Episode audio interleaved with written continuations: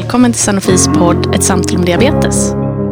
I den här podden som riktar sig till vårdpersonal kommer jag, Ida Wallin som jobbar som medicinsk rådgivare och Andrea Olin som är produktchef samtala med kunniga personer kring diabetes. I det här poddavsnittet pratar vi med Ulrika Sandgren om graviditet och diabetes. Eh, Ulrika är diabetessjuksköterska på specialistmödravårdmottagningen på Sahlgrenska universitetssjukhuset Östra Göteborg. Välkommen Ulrika! Tackar! Eh, och tack för att jag blev inbjuden för att prata om graviditet och diabetes, vilket ligger mig väldigt varmt om hjärtat. Så tack för det. Kan inte du ta och berätta lite om, om ditt jobb och vilka du träffar? Jag träffar främst gravida kvinnor med typ 1-diabetes. Och eh, jag jobbar ju då som sagt på specialistmödravårdsmottagningen här i Göteborg och där har vi hand om alla som har någon form av eh, diabetes och blir gravida. De kommer till oss då på specialistmödravårdsmottagningen. Och vi har ju flest typ 1-patienter på en och samma klinik. Och det är lite olika i landet hur det är men eh, ibland så går man ju, har man ju flera kliniker men i Göteborg så är det samlat i en och samma. Eh, så vi har flest typ 1 och vi har ju även hand om typ 2 patienter som är gravida. Eh, de sköts ju främst av våra barnmorskor som också har en diabetesutbildning i botten. Och graviditetsdiabetes som får läkemedelsbehandling då, eh, går ju även hos oss. Men eh, de jag träffar är de med typ 1 och som är gravida. Jag jobbar på specialistmödravårdsmottagningen på Sahlgrenska universitetssjukhus och eh, vi har ju flest typ 1 i Sverige och det är faktiskt Nordens största förlossningsklinik för man har slått ihop tre förlossningskliniker till en. Vi har över 10 000 förlossningar per år och jag kan väl säga att i år har ju det ökat eh, och det är ju mycket på grund av eh, pandemin då. Eh, så vi har mer än 10 000 nu förlossningar per år. Vi följer lite hur många gravida vi har genom åren och det brukar snitta ungefär på 60-65 per år.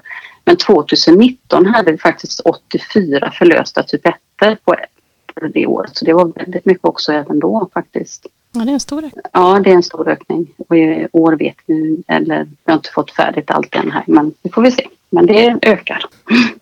Och det som är, det är ju det att eh, när man blir gravid så sker det en enorm förändring i kroppen.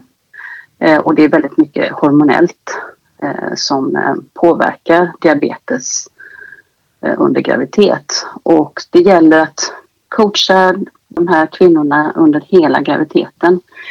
Eh, för insulinbehovet förändras ganska radikalt kan man säga. Eh, I början kan man eh, vara ganska insulinresistent men sen blir man faktiskt ganska insulinkänslig om man inte mår illa.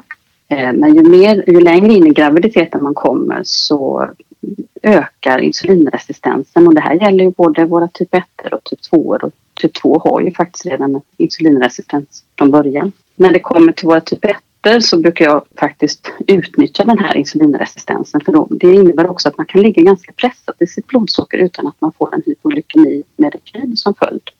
Vilket är vanligare i början av graviditet. Så det man gör är faktiskt att man lotsar igenom de här kvinnorna genom graviditet och använder då olika hjälpmedel för att kunna få ett så bra blodsocker som möjligt under hela processen. Eh, Ulrika, vad skulle du säga, vilka utmaningar finns som gravid? Det, jag ska säga så här, det är, det är ganska stora utmaningar vad gäller våra, om jag nu då pratar om våra typ 1 kvinnor. Eh, det finns en enorm oro naturligtvis för vad de än gör så påverkar ju det fostret och det gör det ju för alla gravida men här är det så fokuserat också på det här med blodsocker att man ska ligga så normalt som möjligt. Och det är väldigt, väldigt svårt eftersom det sker så pass stora förändringar under hela graviditeten. Och de är oroliga eh, men de har ju också en otrolig motivation så här kan man också skulle jag säga, här kan man ju använda sig av det här att nu vill man göra någonting riktigt bra. Men utmaningen är inte att man bara ska kräma på med mer insulin utan det gäller att hitta den här modellen, få en bra blodsockerkontroll så brukar vi prata om de tre kombinationerna och det är ju insulin, energi, vätska skulle jag säga. För bara insulin sänker inte blodsockret. Eh, och det pratar vi väldigt mycket om, både jag och våra dietister. Att det här med energin är väldigt viktigt. För många kanske minskar på energiintaget både vad gäller typ 1 och typ 2. att man minskar på kolhydratsintaget. Men man behöver kolhydrater och vi har ett, det finns ju studier som visar att man behöver ju minst 150 gram kolhydrater och det är för att fostrets hjärna ska utvecklas. Så det är faktiskt en ganska bra måttstock att ha. Eh, så man kan inte minska för mycket på våra kolhydrater. Sen är det då som jag sa i början av graviditet så är det mycket som sker eh, då med celldelning och det kan vara lite svajigt med blodsockret och eh, ofta från vecka 10 så blir man ofta insulinkänslig och där kan man ibland behöva minska insulindoserna ganska kraftigt. Så i början av graviditet, som jag brukar säga fram till vecka 15, så jobbar jag mycket med att undvika hypoglykemi för att undvika rekylerna med, och det är det som, som gör att man blir insulinresistent. Så där jobbar vi mycket med tekniken att man då använder, vi har ju bara real time CGM på våra gravida typ 1. Vi använder inte Eh, intermittent scanning för man behöver jobba med varningarna och gärna då varningar där du kan ha olika dag och natt för det skiljer sig åt. Utmaningen är att man faktiskt ska våga bryta behandling som inte fungerar och titta över vilka insulinsorter patienten har och byta om det behövs. Sen när man kommer vecka 16 då brukar det faktiskt bli en ganska eh, stabilare lite platå och den är ganska skön att få vila sig på. och eh, sen ju längre in man kommer här i graviditeten så blir alltså blodsockret mer stabilt men man blir ju lite mer insulinresistent. Men här kan man alltså utnyttja det att jobba med att man kan alltså ligga mycket lägre blodsocker och blir man låg så krävs det inte lika mycket för att åtgärda det skulle jag vilja säga. Så det gäller att lotsa patienten igenom hela graviditeten och jag brukar alltid jobba här och nu, en, två veckor i taget, inte mer. För det är ingen idé, för det händer så mycket mer. Vecka 20 när man går in där så är det faktiskt ganska stabilt och lugnt och många uttrycker faktiskt det här att om det är så här av diabetes så är det lätt faktiskt och det är ganska skönt att få höra för att um, det är tufft ändå som sagt med graviditeten. Och ju längre in i graviditeten man kommer, där ändrar vi ju ganska mycket på behandlingen och det här med kolhydratskvoter, för vi använder ju det väldigt mycket och det, det blir en förändring hela vägen skulle jag säga. Det som är en utmaning tycker jag, och det var lite därför jag också kanske började jobba med den här där jag är nu och det är att jag tycker det är viktigt att man faktiskt får känna en glädje över sin graviditet. För innan så var det faktiskt barnmorskorna som satt och hjälpte de här kvinnorna ganska mycket. Och de hann aldrig vara gravida utan det pratades väldigt mycket blodsocker och det har vi jobbat i väldigt hårt med nu. Att vi delar ju upp det. Det är jag som pratar blodsocker och så får de vara gravida när de är hos barnmorskan. Vilket eh, har uppskattat väldigt mycket av de som kanske tidigare gick hos barnmorskan.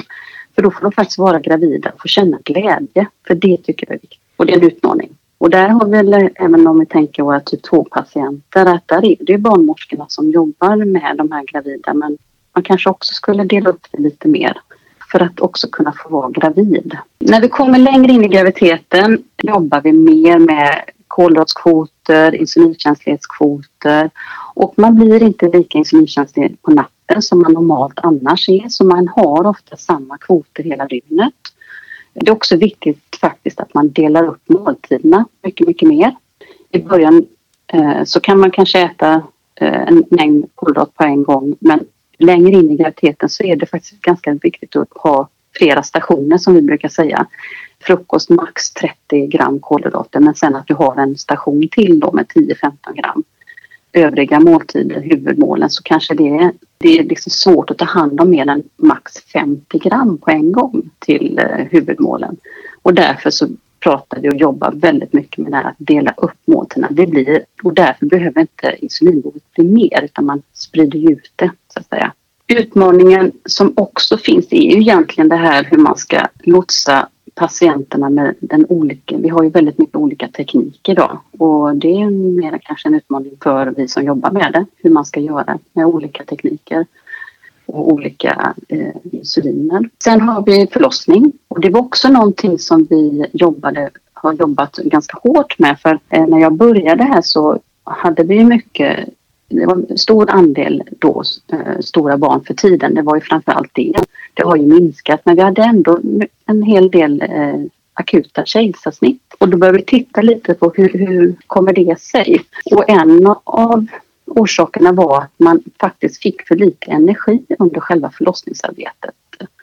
För det är så att man går aldrig över tiden. Eh, man induceras alltid vecka 40 plus 0 om inte tidigare om det är någon annan orsak. Och det kan ta tid. Det kan ta två, tre dygn ibland. Och för att orka och att mamman ska orka och även barnet så krävs det energi. Så det jobbade vi jättehårt med och såg till att ehm, man då på förlossningen såg till att man eh, fick energi lite ofta och sen att man också fick en dropp, glukosdropp om man inte kunde försörja sig. Och vi har minskat våra kejsarsnitt Eh, väldigt radikalt. Vi ligger under 18 procent nu och jag tror det låg över 45 procent tidigare. Så det är också någonting är viktigt att tänka på det här med förlossning. Att man, man ska ju springa maraton och det krävs energi och då krävs det insulin. Så man behöver sällan mindre insulin under förlossning. Men sen kommer ju nästa fas och det är ju postpartum och då sjunker insulinbehovet. För varför insulinbehovet ökar det är ju på grund av eh, moderkakan som har massa hormoner som den skickar ut kan man säga, enkelt säga. Och när barnet är ute och moderkakan är ute då har man inte kvar de hormonerna. Man får andra hormoner som jag brukar säga.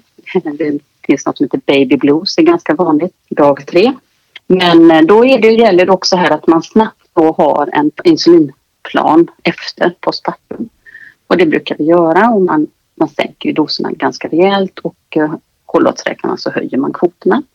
Men att det ska vara tydligt ganska att det ska finnas en plan för det. Och ammar man så är det som att varje amningstillfälle är som att jogga 20 minuter. Så där gäller det också det här att man påminner mamman att du behöver dricka och äta varje gång du ammar. Vi brukar säga amma med en hand och ät och drick med en hand. Så det är en utmaning. För sen man, när man får barn så glömmer man sig själv ganska mycket. Och där får vi också hjälpa till och stötta mamman att påminna. Utmaningen vad gäller amning det är just att eh, ofta blir man ju inte låg när man ammar. Men jag brukar uttrycka det här att dina bröst är som två kylskåp. När du tömmer dem så ska de fyllas på och det är då du blir låg. Så att det är därför man säger att det är bättre att man försöker att förebygga det genom att äta någonting och dricka när du ammar så att du inte blir låg om 20-30 minuter för då har du glömt vad du har gjort. För man får ju också något som kallas för andningshjärna. man glömmer av vad man har gjort. Det är mer generellt. Vi har jobbat också ganska hårt nu här med eh, att man handmjölkar från vecka 36 och det gäller ju alla gravida kvinnor och då, och då dels att man stimulerar och får man då ut den här fantastiska råmjölken som kommer i början då, då ska man spara den och frysa in och ha med sig. Och det har också minskat tillmatning på barnen, eh, minskat hypoglykemi på barnet och att amning kommer igång mycket snabbare. För den har varit lite trögare för många av våra patienter för att eh, just på grund av att de kanske har diabetes, de är låga och då får man ingen energi till mjölken kan man säga, enkelt uttryckt. Vad skulle du vilja att de som lyssnar tänker på när deras patienter med diabetes antingen blir gravida eller planerar en graviditet? Ja, vad gäller typ 2 eh, där eh, man ofta går ute på en vårdcentral och man, om man, där tycker jag man ska titta lite på har vi fertila kvinnor eh, som har typ 2-diabetes och i så fall kanske aktivt fråga planerar du en graviditet? För då ska man alltså ligga så bra som möjligt före graviditeten, gärna tre månader innan.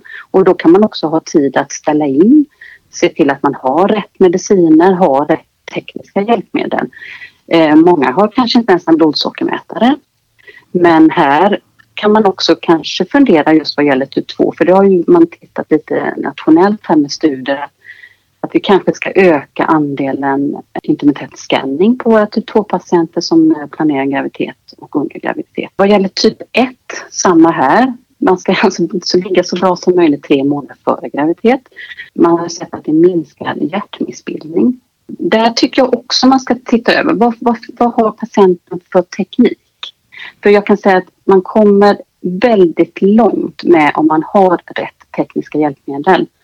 Eh, det är väldigt svårt om man inte har till exempel real time CGM.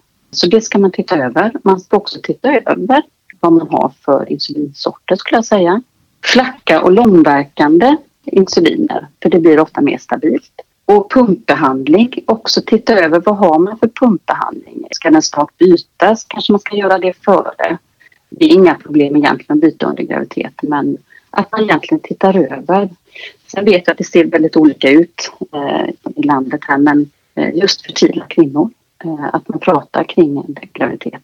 Eh, sen ska man ju också äta folsyra innan graviditet, gärna tre månader innan helst. Remittera till specialistmödravård, gör man det överallt? Vad gäller hos oss så skriver man faktiskt en egen remiss på 1177 när man blir gravid, men inte före. Ibland har man prekonceptionella eh, råd, men det är väldigt sällan numera. Det gör man kanske är väldigt ja, mer komplikationer och så, då kan man ibland få det. Men så jag förstår att det är olika i olika regioner? Ja, det, det är det. Men hos oss så numera så skriver patienten en egen remiss på 1177 och då fångas de upp eh, hos oss. Först barnmorska eh, eller hos mig, det beror på vilka som har, vem som har tid först så att säga. Och sen skrivs man in till läkare, både barnmorska och läkare vecka 8 eller 10. Men det beror på när man själv upptäcker att man är gravid. Det är lite olika. Pågår det spännande forskning inom det här området? Alltså egentligen inte så mycket. Det är ju lite svårt att forska på gravida kvinnor men däremot så tittar man ju mycket nu Alltså, man gör studier på, kanske mer på barnutfall och förlossningssätt eh, och om då hur blodsockret kan påverka utfallen kan man väl säga. Så man tittar ju lite bakåt det här med CGM-studier och så vidare och det har man också gjort internationellt så vad gäller typ 1-diabetes här då. Men, eh, så det är väl det man gör mer skulle jag säga. Vi har ingen forskning på varken typ 1 eller typ 2 gravida patienter där man tittar mer efter på barnutfall och eh, förlossningssätt då, om, om typ till exempel blodsockret kan påverka. Om man tittar framåt Ulrika, vad hoppas du på sig inom en tioårsperiod framåt inom eh, diabetes och graviditet? Alltså den här frågan är ju, det är klart man önskar att man inte hade typ 1 diabetes, att man kunde hitta ett botemedel och få vara gravid. Det är väl det man skulle önskat, att jag hoppas på det. Men också kanske att man idag, alltså framåt, får mer och mer hjälpmedel vad gäller eh, både inom tekniken, eh, pumpar, insulin, så att det blir lättare för den gravida eh, kvinnan att klara av sin graviditet. Och kanske att vi har ett gemensamt konsensus i Sverige, att vi jobbar lite mer kanske tillsammans. För det jobbas lite olika i Sverige. Mer kunskap. Tusen tack Ulrika för att du ville vara med i vår podd och berätta om graviditet och diabetes. Om du som lyssnar önskar återkoppla till oss, då hör du av dig till ett samtal om diabetes sanofi.com. Denna e-mail finns också länkad till vid infotexten till vår podcast. Ett tips är att prenumerera på vår podcast så du får notiser när nya avsnitt blir klara. I nästa poddavsnitt har vi med oss Magnus Lundahl från Skånes universitetssjukhus i Lund och då ska vi prata om upptäckten av insulin som i år fyller 100 år. Tusen tack för att ni lyssnade. Hej då!